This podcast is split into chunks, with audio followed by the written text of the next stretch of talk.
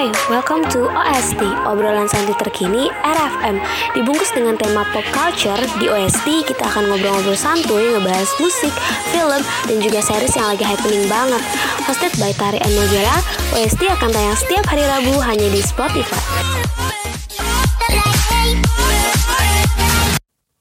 Hello guys, we welcome back to OST today. Nah, seperti biasa, karena tema OST ini ngobrol-ngobrol santuy, jelas banget nih.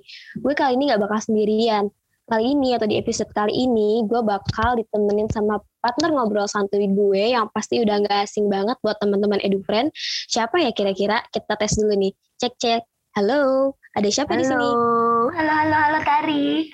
It's me. Halo. Balik lagi sama gue Moze. Ah, Halo Moze. Wih, gimana gue... nih Moze kabarnya hari ini?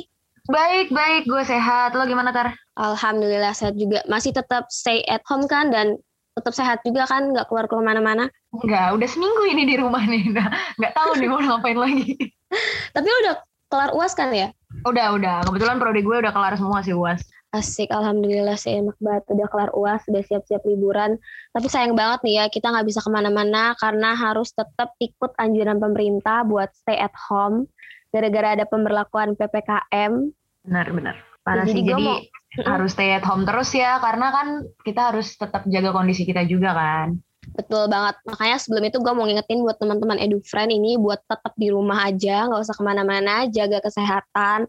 Jangan lupa pakai masker dan pakai masker double kalau emang Arjun harus keluar rumah dan rajin-rajin cuci tangan ya EduFriend.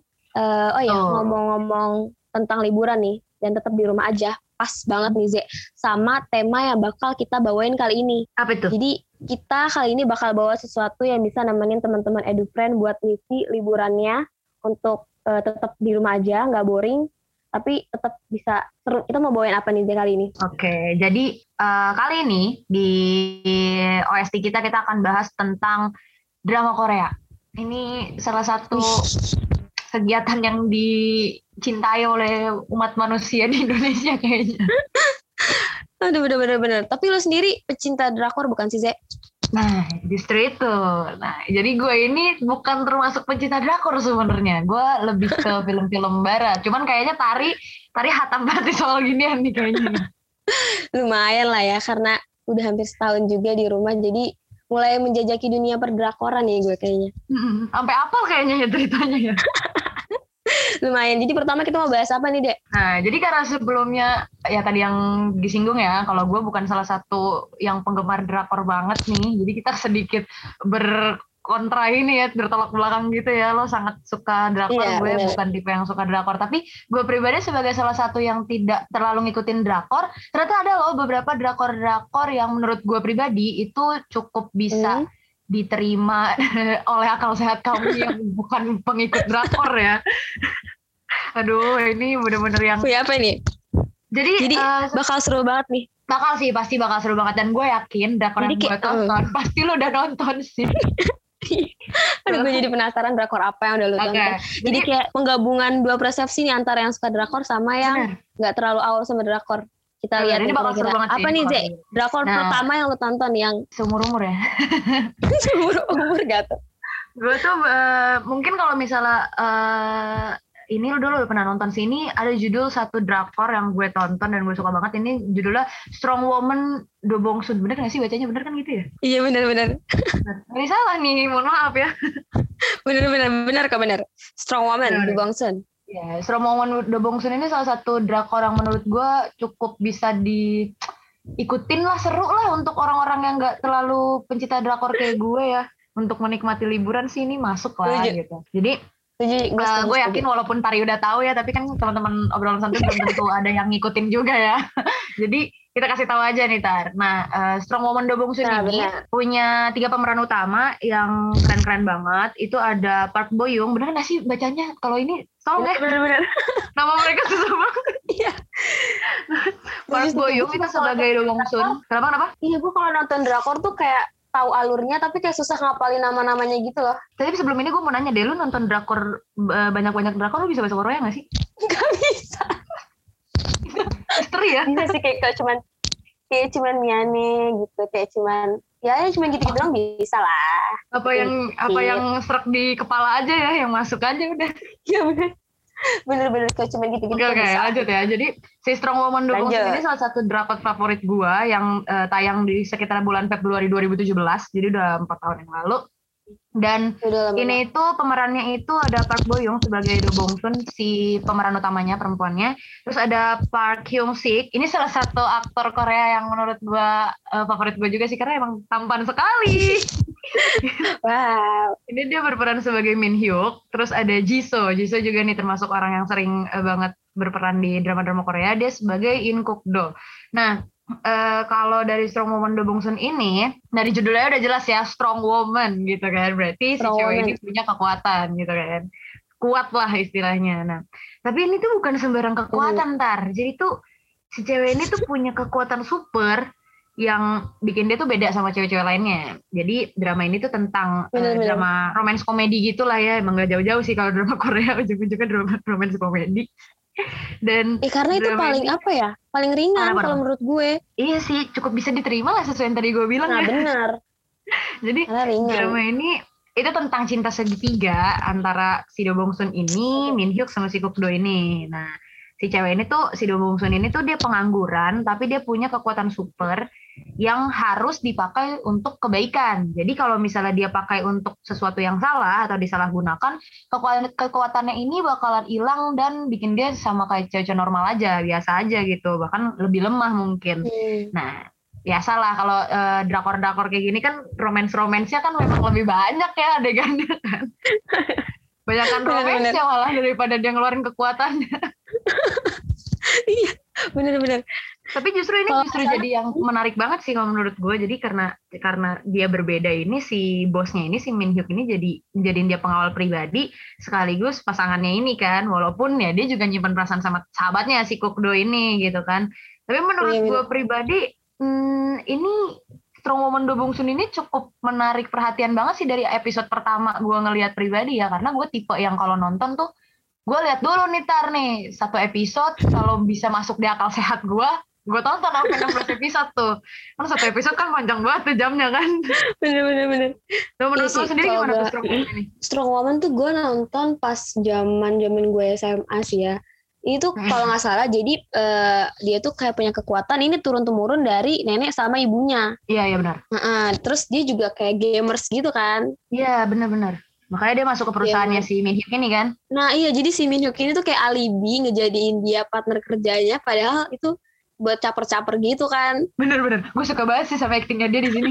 iya, mereka tuh berdua kayak apa ya, actingnya tuh nggak yang terlalu gimana banget, simple gitu. Alur ceritanya juga ringan, bener kata lu tadi bisa diterima gitu. Jadi kayak pas banget sih buat nemenin kita nyantuy, nggak yang mikir berat-berat banget, oh konfliknya bla bla bla yang ribet gitu enggak. Tapi tetap seru juga, menghibur juga karena acting mereka juga lumayan cute sih kalau kata gue. Iya, maksudnya antara romance sama komedi itu balance lah, dapet lah. Jadi ketawanya ada, sedihnya ada, dramanya ada. Ya walaupun kalau menurut gue pribadi terhitung drakor yang cukup ringan ya, nggak nggak mikir-mikir banget sih. Mm -hmm. Tapi dapet lah menurut gue gitu. Nah ini jadi daya tarik tersendiri kalau menurut gue kan ini kan gue nanya sama lo menurut lo gimana dan lo bilang ini emang untuk pencinta drakor pun termasuk drakor yang ringan gitu kan nah bener, daya bener. tarik buat gue sendiri ya karena itu tadi roman sama komedinya tuh ngeblend banget tar kalau lo nonton 16 episode ini dia tuh actingnya tuh ngeblend banget gitu bener-bener yang bisa bikin ketawa bisa bikin sedih juga uh, dan ya ceritanya alurnya bisa masuk akal sehat lah untuk kami yang tidak mengikuti drakor iya, sampai bener. ke dalam hidup kami. Jadi bisa banget ya ini ditonton sama yang nggak terlalu suka drakor tetap masuk ya. Benar-benar. Kalau gue pribadi sih merekomendasikan buat teman-teman yang lagi gabut, cewek-cewek apalagi ya yang lagi pengen nonton drakor tapi bingung karena kita bukan pencinta drakor ya ini recommended sih karena ini pribadi gue direkomendasiin tar sama salah satu teman gue yang dia pencinta drakor juga hmm. dia merekomendasikan ini dia udah nonton hampir 80 ya, drakor kayaknya emang kalau pecinta drakor nggak mungkin sih ngelewatin drakor Strong Woman ini emang keren banget. Kalau buat lu pribadi nih, uh, scene favorit lu tuh di episode eh, di uh, seri Strong Woman The Bongsun ini di bagian mana nih, Zek? Nah, favorit gue ya, itu dia ada di episode 14. Itu pas si uh, Bongsun ini kerjasama sama pacarnya si Min Hyuk ini sama Kukdo Hmm. juga sahabatnya buat eh, apa sih balas pencu apa sih yang kriminal itu loh tokoh Iya, yang psikopat itu ya yang Ya betul betul. Gue seneng banget pas uh, scene-nya itu dia hilang kekuatan karena kan sebenarnya mereka jatuhnya kayak ditipu gitu kan karena Iya uh, salah benar-benar. satu kelemahannya kan kelemahannya dia kan di situ kan buat ngilangin Nggak harus boleh, salah, iya, nggak salah boleh mengeluarkan kekuatan gitu itu. ya. Benar benar benar. Dan gue episode 14 itu menurut gue uh, apa ya dapat dapat banget dramanya gitu loh. Actionnya juga dapat kan si Kokdo sama si psikopat Iya. ini dan si Benar-benar. uh, Min Hyuk sama Bong Soon-nya juga cute banget gitu apalagi dia merasa kehilangan banget kan karena si uh, Do Bong Soon-nya tuh langsung tepar rewas hampir mau tewas gitu kan itu Iya padahal iya benar-benar benar. favorit scene favorit banget sih parah itu bener-bener yang gue sampai semalam sampai nonton episode episode itu lagi tuh buat ngeliat kayak yang bener sih ini filmnya dapat banget mau ditonton Iya, berkali-kali juga Pas bagian itu tuh keren sih si Du Bongsunnya kan kalau looknya tuh kan cute gitu kecil gitu kan imut tapi kayak punya kekuatan yang pas dia ngangkat-ngangkat kontainer-kontainer box itu yang buat nutup Iya. jalan si psikopatnya itu gila itu keren banget bener sih. bener bener. Udah cocok lah ya pacarnya pinter kaya dia aja kuat udah Nah, itulah itu yang membuat eh, para pecinta drakor tuh kayak mikir ya Allah ini enak banget ya hidupnya. Jadi kayak iri. Gila kalau gue sampai mengha- menghayal gitu. semudah itu ya. Bener-bener jadi kayak menghayal kalau gue jadi dubongsun enak kali ya kayak kayak gitu. Iya bener. Gue juga sempat mikir gitu sih. Maksudnya kayak lanjut nih. Wow kisah percintaan orang lain kenapa mudah sekali? gitu. Mengapa mudah sekali, bener-bener. Tapi tapi Iya, keren sih itu. buat gue pribadi yang yang nggak terlalu apa sih eh, cinta drakor cuman just nonton karena memang penikmat film ya ini termasuk yang recommended ya kan Nar? Betul, betul. Nah, selanjutnya ada yang gak kalah recommended. Yang lagi hype parah itu ada drama seri Penthouse. Lu pernah denger gak nih? Penthouse Penthouse pernah pernah ini ini hype banget sih di sosmed gue FYP gue isinya cuplikan-cuplikannya Ih. itu kayak Parah. Gue, hmm, tapi kalau lo lo suka banget sama Penthouse ini ngikutin nggak parah. Gue sampai sampai detik ini gue masih nungguin episode selanjutnya sih. Karena Penthouse ini saking booming itu dan saking bener-bener apa ya eh, sangat dinanti-nantikannya tuh sampai eh, ke musim ketiga jadi dia tuh udah sampai season 3 gitu dan jeda tayangnya pun dari mulai dari mulai eh, musim 1 di Oktober terus season 2 atau musim 2 nya tuh di Januari dan musim ketiganya tuh di bulan Mei jadi nggak makan tahun gitu jadi cepat banget produksinya karena emang bener-bener ditunggu-tunggu dan emang ceritanya seseru itu oh berarti emang emang mereka saking lakunya kali ya sampai bikin tiga Nah. season gitu Bener, pasarnya emang lagi dapat banget. Jadi tuh uh, Penthouse ini tuh uh, adalah drama seri Korea Selatan yang dibintangin sama Lee Ji A, Kim So Hyun, Igen, Om Ki Jun sama Yong Jun Hoon kalau gue nggak salah. Nah, jadi Penthouse ini nih nyeritain tuh kisah keluarga kaya gitu, keluarga-keluarga kaya tinggal di real estate yang kaya juga gitu di istana eh, namanya Istana Hera gitu, Istana Hera Place. Nah, anak-anak mereka tuh sekolah juga, sekolah di sekolah elit gitu, sekolah seni Cheng'a gitu. Nah, konflik awalnya itu, itu tuh gara-gara persaingan antara Sojin sama Oh Yuni gitu. Jadi kayak mereka tuh persaingan eh, antara sebagai penyanyi sopran gitu. Jadi ceritanya tuh eh, mereka satu sekolah dulunya tuh satu sekolah. Nah, mereka tuh sama-sama penyanyi sopran, tapi tuh si Sojin ini tuh kayak punya relasi gitu. Jadi kayak bapaknya punya eh, punya apa ya? Punya kekuasaan. Jadi yang ngebuat si eh, Sojin ini lebih unggul gitu daripada si Un- Uyuni ini. Padahal si Sojin ini ya nggak bagus-bagus amat lah gitu nyanyinya. Dan akhirnya tuh mereka terlibat konflik sampai si Sojin ini ngelukain lehernya si Uyuni ini. Jadi kayak mereka berantem hebat gitu deh.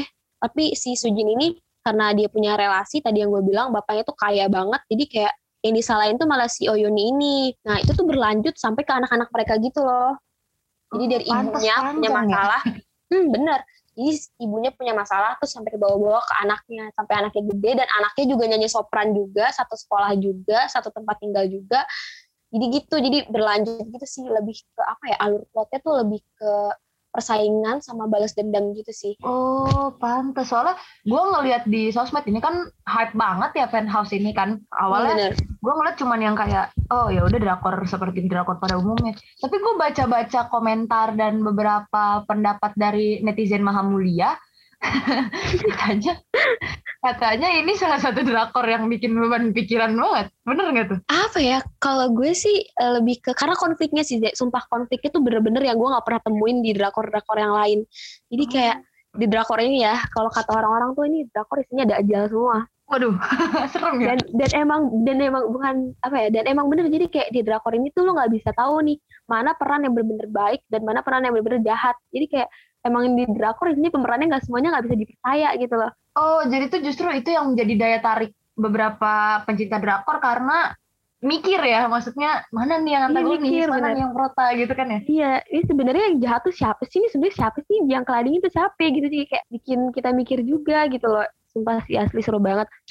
Dan jadi tuh mereka tuh kayak sama-sama ngambis gitu ceritanya ngambis buat jadi yang paling kaya, paling keren, paling juara gitu loh. Sampai akhirnya tuh eh, tragedi ini tuh dimulai pas ada salah satu Tadi kan gue bilang anak-anak itu kan kayak sekolah di sekolah eh, seni gitu. Nah, Oke, ada eh, kayak perempuan gitu seorang anak dia itu kayak eh, paling bagus gitu nyanyinya jadi kayak paling unggul gitu dan dia kayak diumumin jadi eh, lulusan kayak yang paling bagus lah paling terbaik gitu nah satu hari setelah pengumuman itu si Min Sora ini yang penyanyi terbaik tadi itu eh, mati. Dan matinya itu mati di Heraklestan di tempat tinggal mereka. Oh, agak rumit ya berarti ya. Mm-mm, di tempat tinggal mereka. Dan mereka tuh kayak kerjasama buat nutupin kematiannya gitu. Kayak nyembunyiin siapa sih sebenarnya yang ngebunuh. Ini sebenarnya Hmm. kayak kematiannya dipalsuin gitu. Jadi seolah-olah cewek bunuh diri. Padahal jatuhnya matinya ya di situ. Itu yang nyebabin seisi Heracles itu ikut kena imbasnya. Jadi ikut kena konfliknya Oh, berarti ini bisa di, gue simpulin ini salah satu konflik yang paling menarik di antara banyaknya konflik drama ya di Iya sih. penthouse ini. parah bener-bener jadi tuh eh, kalau misalnya jadi ya di penthouse ini ya selain emang karena ratingnya tinggi juga ini tuh jadi kayak pernah dapat beberapa teguran gitu juga sih kayak eh, drakornya banyak dapat kecaman juga dari bener tadi netizen Maha Budiman yang bilang katanya Oh, dapat kritikan terlalu- juga nih. Udah sebagus ini dapat kritikan juga. iya karena iya karena dianggap eh, apa ya banyak adegan-adegan yang eh, terlalu apa ya terlalu tidak manusiawi Keras lah Tadi ya. gue bilang Dajjal mana ada manusiawinya coba. Iya bener juga sih bener. Logik logik bener. Boleh juga sih bener. Iya, jadi udah sampai tiga season ini aja, gue masih belum tahu nih sebenarnya ujung ceritanya ini ke mana gitu. Ujung ceritanya siapa yang jahat sebenarnya tuh gue masih belum tahu.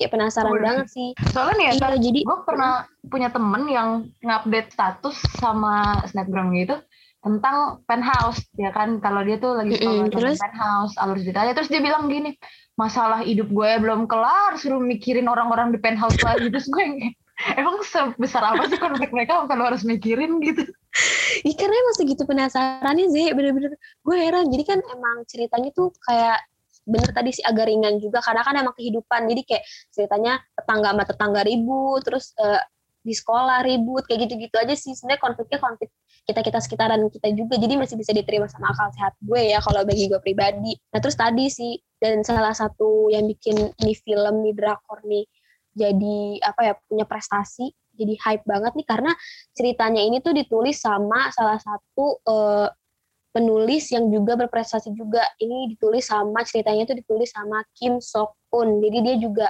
eh, salah satu penulis terbaik itu di Korea. Dia udah banyak film yang dia garap juga dan salah satu yang paling berhasil ya ini Penthouse sampai ke musim ketiga. Hmm, berarti memang si pen drakor penthouse ini pun ditulis bukan sama orang yang sembarang penulis biasa ya memang yang udah Bener. uh, apa sih istilahnya berprestasi juga, udah nulis banyak film-film yang istilahnya bagus-bagus lah. Jadi emang sebenarnya Penthouse ini ya teman-teman OST bukan drakor kaleng-kaleng, cuman memang pusing aja gitu. cuman kayaknya buat teman-teman pecinta drakor nih, gue yakin ini salah satu list drakor yang kalian ikutin banget, iya gak sih? bener harus banget sih nonton. Jadi ya lu bayangin deh, meskipun ini tuh drakor udah dapet kritikan dan kritikannya tuh langsung disampaikan ke lembaga sensor film Korea langsung. Tapi kayak tetap aja gitu banyak yang nonton dan tetap aja gitu dapat banyak penghargaan.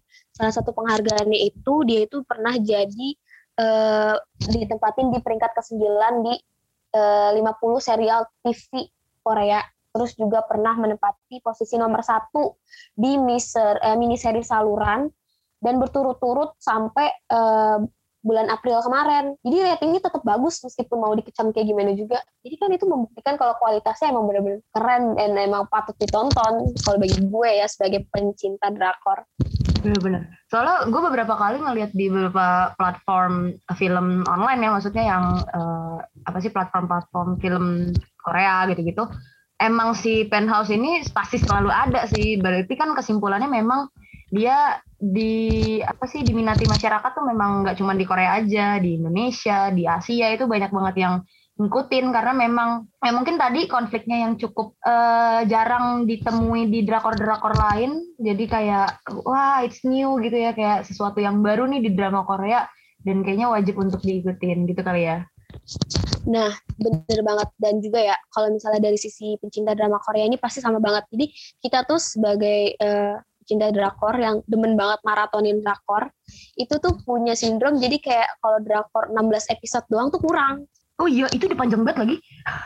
iya, jadi 16 episode doang tuh kurang. Jadi kayak kenapa gue sangat merekomendasikan Penthouse karena nih Penthouse ini uh, episodenya panjang sampai 23 satu uh, satu apa namanya?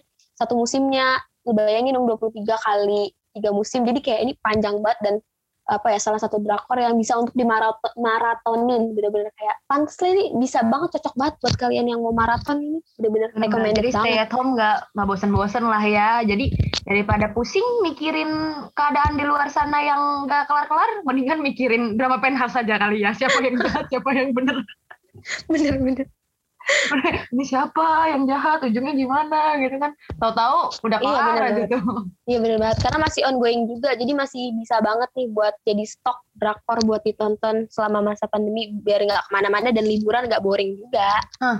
Tapi nih Tar, gue mau gue mau nanya sama lo nih, ini bener-bener baru baru lewat banget hmm. nih di gue, gue gue jadi penasaran. Karena tadi kan lo bilang kalau pencinta drakor tuh 6 ya sindromnya adalah 16 episode kurang. Emang sebenarnya drakor itu mayoritas tuh dia berapa episode sih? Terus satu episode itu kira-kira durasinya berapa lama? Uh, kalau episode drakor tuh beda-beda ya. Ada yang satu uh, episodenya tuh dipotong jadi dua gitu. Ada yang 26, ada yang 12, ada yang 16. Dan apa namanya untuk yang waktunya tuh kadang kalau yang satu episode, eh dua episode jadi satu itu biasanya itu sekitar dua jaman. Tapi kalau yang 20 atau 16 episode itu biasanya satu jam setengah sih. Oh, berarti emang emang beda-beda ya, tapi mayoritas hmm. mungkin 16 episode kali ya, 16 sampai Iya, mayoritas tuh 16 episode. Berarti lumayan lah ya buat buat stay at home karena memang cukup cukup apa sih panjang juga kalau menurut gue untuk hitungan sebuah jatuhnya kan kalau di Indonesia ini tuh sama kayak seriesnya Indonesia tuh kayak sinetron Indonesia gitu ya istilahnya. Bener-bener kayak kan kalau menurut gue lebih lebih apa sih lebih enak aja gitu buat ditonton stay at home karena panjang durasinya terus ya itu tadi uh, drama-dramanya dapet. Ya itu sih salah satu uh, apa sih uh, yang wajib dipuji ya kalau gue pribadi. Jadi sebagai bukan yang pencinta drakor bukan yang ngikutin drakor ya gue ini juga sih jujur-jujuran kalau memang drakor Korea tuh emang the best lah untuk ditonton di rumah ya yang belum keluar-keluar ke mana-mana. Ini bisa jadi salah satu alternatif kegiatan kalian di rumah. Bener-bener banget sih. Jadi tetap bisa have fun, tetap gak boring ya. Benar, soalnya gue pernah ya nonton si Strong Woman The Boxen aja itu waktu itu. Gue nonton tuh hmm. kira-kira ya selesai gue melakukan segala pekerjaan gue di pagi hari, gue nonton. Pas gue keluar kamar, kok udah gelap gitu kan. Kayak, ini berapa lama sih drakor ini? Bener emang. Kalau lu tuh lebih suka tipe yang nungguin ongoing atau yang nunggu tamat kalau nunggu tamat. nonton film? Nunggu tamat. gue gue tamat gue liat dulu tuh kalau misalnya udah tamat baru dan gue denger rekomendasi dari pencinta drakor juga kalau yang ini bagus nih drakornya udah tamat kok lo tinggal nonton tuh baru gue mungkin bakal coba dulu tonton satu episode masuk dia nggak sehat gue lanjutin sampai 16 episode. Bener bener bener bener. Lagian kalau misalnya uh, sebenarnya ya kalau misalnya nungguin gitu ya kalau misalnya nungguin tuh bener-bener kayak bikin kita penasaran bikin kita nggak sabar. Tapi kalau nonton yang udah tamat jatuhnya malah jadi kayak susah berhenti. Kayak nggak bisa nih gue harus penasaran banget nih selanjutnya ini bakal kayak gimana. Gue kayak harus lanjutin satu episode lagi. Terus udah kok pokoknya ini episode terakhir nanti gue lanjutin nanti lagi. Satu lagi deh satu lagi jadi kayak gitu Iya itu bener, itu bener sih, bener. Gue gue nggak mau bohong itu beneran. Jadi ya kan bener. Betul betul betul. Soalnya kalau gue kan memang yang mungkin ya um, gue karena memang bukan ya itu tadi sekali lagi bukan pencinta drakor jadi ini termasuk dua persepsi ya teman-teman ya dari dari tari yang memang suka drakor dari gue yang bukan ngikutin drakor itu cukup bisa jadi candu loh buat kita kalau misalnya emang uh, bagus gitu loh tergantung alurnya ya kayak yang tadi slow moment mungkin penthouse dari tari itu the best lah kalau udah candu ya udah ikutin aja sampai habis. Nah tadi kan lu bilang nih selain uh, ada beberapa drakor berarti nggak cuma Strong Woman doang dong yang lu tonton nih dari drakor? Oh, iya tentu saja. Ada drakor apa lagi nih yang menurut lu masuk di akal sehat? Pecinta uh, yang nggak cinta sama drakor yang nggak terlalu ngikutin drakor? Nah ini nih salah satu yang gue suka juga yaitu tadi alasannya karena masuk di akal sehat gue tapi uh, gue pribadi yakin lo sebagai pencinta drakor pasti setuju ini salah satu drakor yang uh, bisa dibilang penthouse pada zamannya, hype pada zamannya, dan ratingnya juga gue lihat gue lihat-lihat ratingnya juga bagus nih. Ini judulnya What's Wrong with Secretary Kim. Nah, ini pemainnya nggak mungkin nggak pada kenal ini kan, ganteng banget ini pemainnya. Park Seo Joon bukan sih? Betul. Oh my god. Dia udah muncul di mana-mana itu makanya gue yakin orang pasti tahu gitu. Jadi di sini sama kayak strong moment tadi what's wrong with secretary Kim ini punya tiga tokoh utama yang cukup berperan penting. Yang pertama itu Park Seo Joon itu jadi Lee Yong Jun terus ada Park Min Min Yong ya bacanya ya. Kenapa sih nama mereka susah banget? Park Min Yong ya benar ya itu sebagai Kim Miso dan Lee Tae Hwan itu sebagai Lee Sung Yeon. Jadi si uh, Yong Jun sama Sung Yeon ini kakak beradik dan sama jadi ini kerjanya di kantor-kantor gitu. Jadi bosnya tuh kayak si uh, Yong Jun ini tuh kayak yang dingin-dingin gitu orangnya. Cuek-cuek cuek-cuek hmm. tapi mau gitu.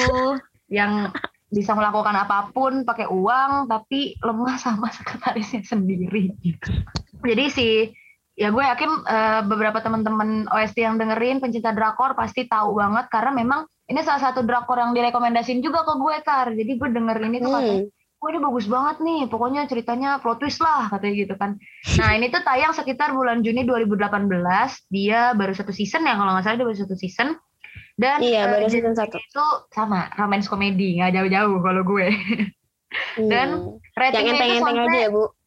Ratingnya itu dari 8,1 sampai 8,6 per 10. Jadi emang udah hampir hmm. 10, emang bagus banget sih kalau menurut gue. Dan uh, kalau boleh cerita sedikit, ini tuh si Kim Miso ini dia bekerja sebagai sekretarisnya Lee Yong Jun, si bosnya yang bisa dibilang dingin, galak, cuman peduli sama pekerjaan aja gitu. Dia bekerja selama 9 tahun dan berpikir untuk resign karena dia pengen ngurusin hidupnya uh, di luar sana. Maksudnya lebih pengen gue pengen lepas ah daripada gue ngurusin bos gue mulu gitu lah. Pengen fokus sama hidupnya. Dan ternyata ya namanya udah kerja 9 tahun bareng-bareng ke mana-mana ya kan si bosnya ini merasa kehilangan ternyata merasa kehilangannya ini bukan cuma kehilangan partner kerja tapi kehilangan kayak kok uh, eh, gue kayaknya suka sama dia nih kayak gue cinta sama dia nih tapi hmm. merasa kehilangan sosok gitu loh itu sih saya bikin gue kayak wah kayaknya seru nih gue pengen tahu bosnya bisa nggak hmm. nih sampai akhir gitu kan ya, emang Dan, di drakor itu tuh emang bosnya jadi kayak cakep tapi kocak gitu gak sih Iya, maksudnya kan dia memang si Park kalau menurut gue ya, ini fair-fairan aja nih Park Seo Joon ini kan emang mukanya mukanya kan emang yang cocok buat pemeran yang dingin datar gitu, tapi sekalinya senyum tipis tuh yang kayak wow. bener bener bener. Dia dia memang di kalau menurut gue gue uh, jujur kalau di uh, drakor ini di uh, What's Wrong with Secretary Kim ini memang dia nggak terlalu banyak nunjukin uh, posisi dia yang yang ceria, dia bener-bener yang ya flat rata-rata bos pada umumnya gitu kan yang profesional gitu.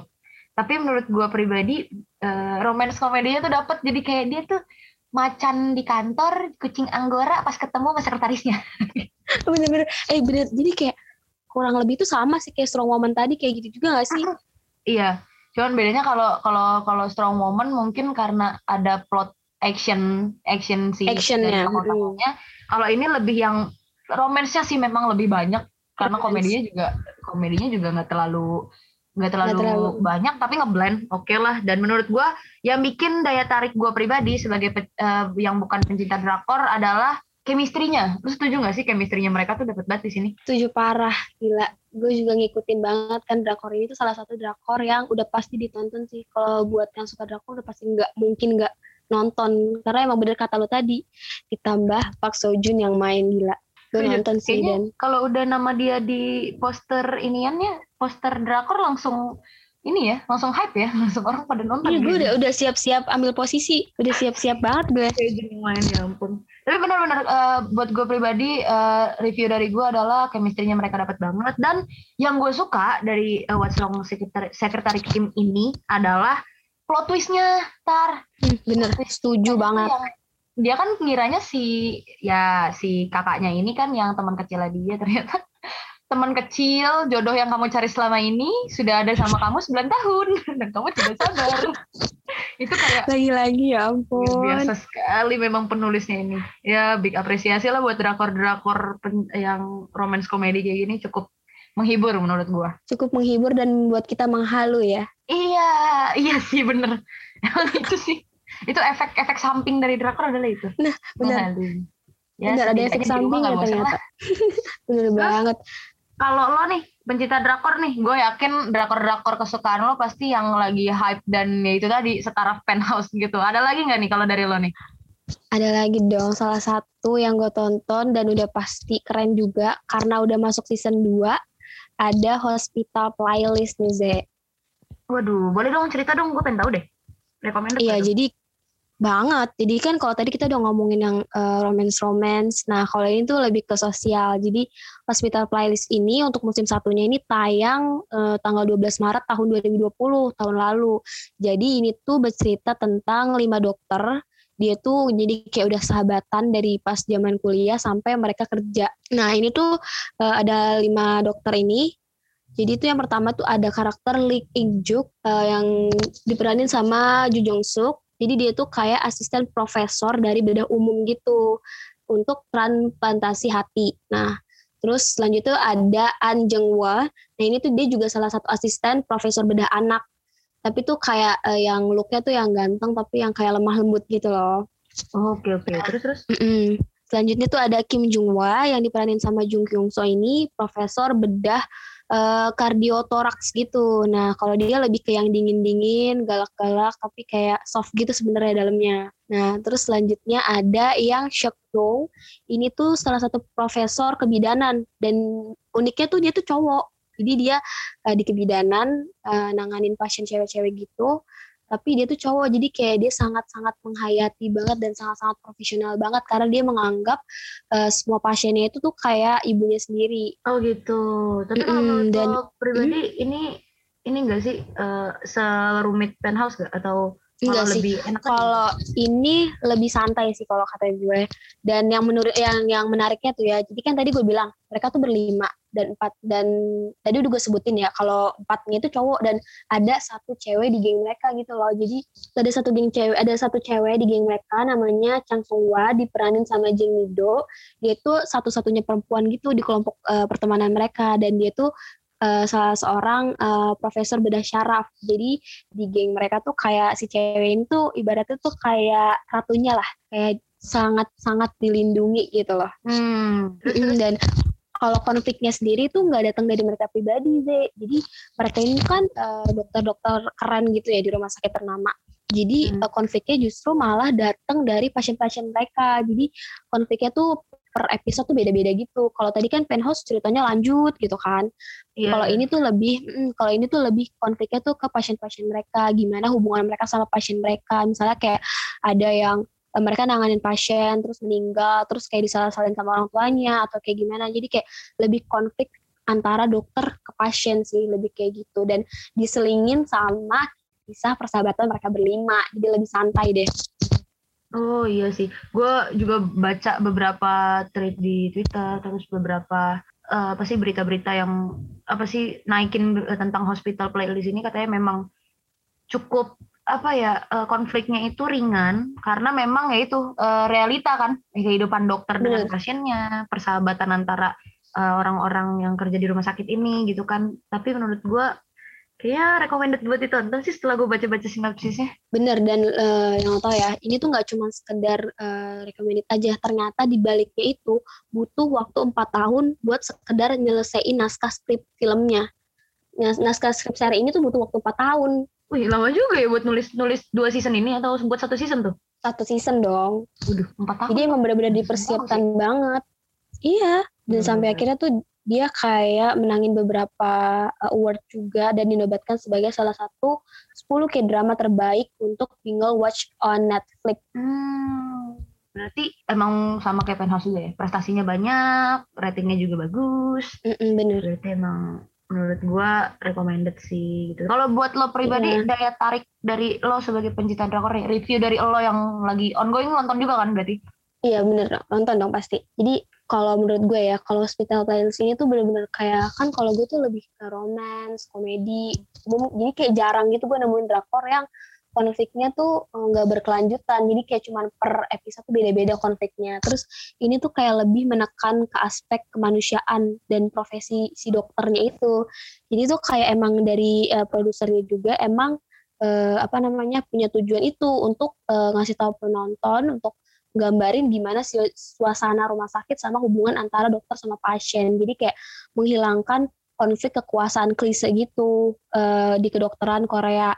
Dan uh, So China Morning Post juga pernah nyebutin nih kalau Hospital Playlist ini itu merupakan salah satu serial drama Korea Selatan terbaik tahun 2020 yang menyebutkan kalau uh, ceritanya ini uh, mengandung kisah emosional tentang penyakit, kesedihan, persahabatan yang emang match banget buat ditonton. Berarti emang seru seseru itu ya si apa Hospital Playlist ini. Dan di balik-baliknya itu di behind the scene-nya itu mereka ini enggak sih diajar untuk belajar tentang kedokteran dulu atau apa gitu aktor-aktornya disuruh belajar apa dulu gitu untuk memerankan peran mereka di Kalau uh, kalau untuk uh, apa namanya alur cerita kedokterannya itu kan karena emang dipersiapin lama juga, emang mereka tuh kerja sama sama salah satu instansi juga gitu loh untuk uh, mendalami peran-peran di sini di seri ini. Tapi selain itu, tadi yang gue bilang untuk menyelangi konflik-konflik di rumah sakit, nah ini tuh dibalut sama kisah persahabatan mereka. Jadi tuh mereka setiap minggu itu kumpul itu buat sekedar uh, main band gitu. Jadi dokter-dokter main band gitu untuk ngilangin kejenuhan mereka sama tugas-tugas mereka di rumah sakit dan proses syutingnya ini selama beberapa bulan sebelumnya tuh mereka tuh kayak latihan dulu diajarin dulu gitu loh untuk main beberapa instrumen gitu. I see, berarti emang persiapan bagus banget sih untuk hospital playlist ini ya? Bener bener banget. Jadi memang dipersiapkan matang banget sih, makanya nggak heran dong kalau mereka tuh dapat panggung banget. Iya sih, wajar sih. Jadi uh, eh, gue pribadi sebagai yang bukan pencinta drakor ya, ternyata memang gue mengambil kesimpulan dari obrolan kita kali ini kalau uh, tidak semua drakor itu uh, tidak menyenangkan karena banyak banget kan stigma-stigma dari kita yang bukan pengikut drakor, khususnya gue, gue yang pencinta film barat, hmm. pasti ngeliatnya tuh kayak apaan sih drakor gitu. Ternyata tuh alur-alur mereka tuh seru-seru sih kalau menurut gue malah. Bener, bener. Kayak bener-bener kayak jarang kita temuin, itu yang jadi daya, daya tarik untuk nonton drakor sih itu sih kalau bagi gue ya. Hmm, tapi gue mau nanya deh sama lo pribadi sebagai pecinta drakor gitu ya. Lo lo suka kesel gak sih kalau orang-orang kayak nanya, lo nonton drakor? Iya. Ih, apaan sih ngapain sih nonton drakor kayak gitu? Pernah gak sih ngalamin kayak gitu? Jelas sih kesel sih karena gue sendiri juga gak punya jawabannya gitu ya. Kayak gue juga bingung. Iya sih mungkin kalau lo gitu sebagai yang gak suka drakor atau mereka di luar sana yang gak suka drakor kayak mikir lo ngapain sih kayak seharian gitu loh maratonin sampai 16 episode. Bahkan kayak itu jadi kayak sebuah reward gitu loh. Jadi kayak eh lo nonton drakor ini berapa hari? Gitu. Misalnya lo 23 episode kelar berapa hari? Itu jadi kayak reward buat kita sendiri. Eh gue dua hari kelar lo eh gue tiga hari kelar lo itu jadi kayak buat kebanggaan sendiri gitu. Nah tapi gue juga nggak tahu kenapa ya. Kalau bagi gue sendiri drakor tuh kayak punya emang daya tariknya sendiri. Dan ngebuat gue kayak nggak tahu kenapa gue harus namatin tuh drakor. Karena emang seru aja. Gue nggak punya alasan spesifik sih karena emang gue suka dan emang ceritanya patut untuk ditonton bagi gue ya. Hmm gitu gitu gitu. Soalnya uh, gue juga punya banyak banget teman bahkan sepupu-sepupu gue juga pada nonton si drakor ini ya. Kita tuh bisa yang namanya nonton pakai proyektor tuh cuma nonton gituan doang. Tuh pernah tuh. Jadi tuh kayak sebagai kesenangan tersendiri kayak hobi gitu lah ya sama kayak kita nih teman-teman yang pencinta film barat. Ya kalau kita nonton film barat kita suka dengan berbagai genre. Sama sama teman-teman kita yang suka drakor juga mereka menganggap itu sebagai kesenangan mereka sendiri gitu. Jadi menurut gue uh, gak bisa kita saling ngejudge kan. Kenapa sih lo nonton drakor? Nah, kita sendiri kan juga pasti punya alasan kenapa kita nggak nonton drakor gitu kan. Bener-bener. Karena bagi gue ya kalau nonton film itu nggak cuma tentang perkara siapa yang main, pemerannya ganteng atau enggak. Itu kalau gue sih lebih ke alur ceritanya sama kualitas ceritanya sih. Benar kata lo tadi kalau gue nonton baru satu episode udah nggak seru pasti gue juga nggak lanjutin meskipun itu genrenya drakor. Bener-bener. Jadi lebih objektif nggak sih? Jadi bukan subjektif jatuhnya bukan ngelihat pemainnya tapi yang ngeliat alur ceritanya. Enak ya kita ikutin gitu kan. Setuju setuju. Jadi kayak misalnya ada drakor yang sebelumnya diperanin sama si A dan emang kita tahu aktingnya bagus pasti kan ngebuat kita jadi penasaran kira-kira di drakor ini aktingnya bakal sebagus yang kemarin gak ya lebih ke situ sih kalau gue pribadi. Oh, berarti emang banyak ya analisis dari kalian para pecinta drakor itu pribadi pun masih melihat alur kan, bukan karena oh yang main ini gue nonton mau bagus mau enggak ya udah yang penting ngeliat dia gitu kan 16 episode ternyata memang alur dalam sebuah plot cerita itu penting.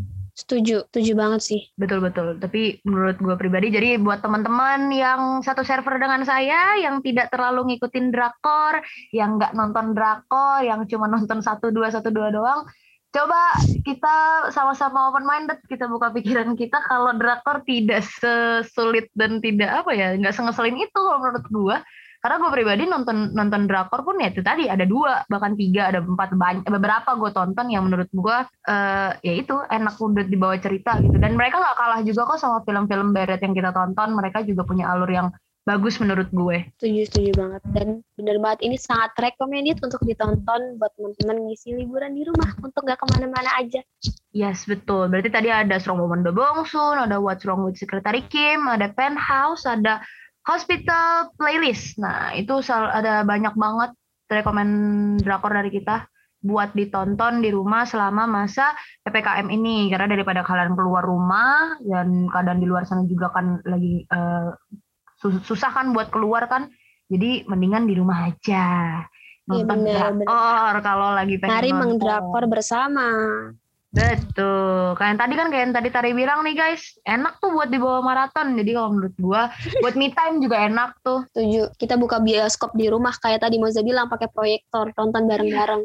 Betul. Ajak orang tua kalian, kakak adik sepupu kalian nonton. kalau memang uh, bingung memecahkan konflik yang ada di penthouse, boleh ajak pacarnya untuk menyelesaikan konflik bersama di penthouse. Jadi jadi diskusi diskusi ini siapa yang jahat? Menurut kamu siapa sayang yang jahat? Berantem malah. Bener-bener. Tapi ya, asli gue gue seneng banget sih ngomongin tentang drakor ini. Karena memang buat gue yang gak terlalu ngikutin drakor banyak banget pertanyaan-pertanyaan yang ya kayak tadi satu drakor tuh berapa episode terus kayak alur-alurnya tuh uh, genre-genrenya tuh banyak banget yang bikin kita justru malah value-nya juga banyak sih kalau menurut gue kayak ya Setuju. banyak nilai-nilai sosial yang menurut gue bisa diterapin juga gitu nggak serta merta tentang film aja sih kalau menurut gue setuju banget. Benar-benar benar berarti ini tuh banyak banget ya teman-teman rekomendasi dari Tari dari gue dari dua perspektif yang berbeda antara pencinta drakor dengan yang tidak cinta drakor tentang drama Korea Penthouse, Hospital Playlist, uh, Strong Woman Do Bongsun dan What's Wrong with Secretary Kim. Nah, tapi sayangnya nih kita udah sampai di penghujung podcast kita nih Tar, karena dari tadi kita udah ngobrolin soal drakor terus kan. Kayaknya saatnya kita wow. nonton drakor abis ini ya. setuju setuju emangnya di OST ini emang saking santuinya tuh nggak kerasa kita ngobrol dari tadi benar saking santuinya gitu dan gue pribadi merasa wawasan gue terbuka tentang industri film drama Korea dan menjadi salah satu eh, apa sih hal yang lagi trending dan hype banget di negara kita juga di Indonesia menurut gue juga cocok sebagai alternatif ppkm kita sekarang. Nah buat teman-teman semua yang kalau misalnya lagi bingung mau ngapain di rumah karena lagi ppkm kayak gini, aku mau ngingetin kalian buat tetap uh, jaga kesehatan kalian, stay healthy, stay safe, tetap uh, pakai masker, double masker kalau misalnya kalian mau keluar dan buat teman-teman yang lagi sakit cepat sembuh, get well soon buat kalian semuanya. Dan buat teman-teman yang lagi ngejalanin PPKM atau stay at home di rumah aja bisa jadiin drakor sebagai salah satu alternatif kegiatan kalian di rumah. Jadi gue rasa kita udah sampai di ujung dari podcast obrolan santai terkini era FM UNJ. So, akhir kata kalau ada salah gue minta maaf dari gue Moze dan rekan gue. Gue Tari. Nah, sampai ketemu lagi di obrolan santai terkini selanjutnya. Dan buat OSI selanjutnya bisa teman-teman langsung saksikan atau dengerin di Spotify, platform kesayangan kalian. Kalian bisa dengerin di Spotify karena ada banyak banget podcast-podcast lain juga selain OST. Ada lempar pertanyaan, ada yang tentang horor-horor, banyak banget tentang sharing-sharing di podcast kita di era FM UNJ. Jadi teman-teman bisa langsung download uh, Spotify-nya, bisa langsung didengerin juga, dan bisa langsung di-share ke teman-temannya kalau misalnya menurut kalian ini cocok banget untuk uh, didengerin dan bisa jadi podcast yang informatif. Semoga bermanfaat. Keep inspiring, keep struggling, and keep being low profile. See you soon and bye. Bye.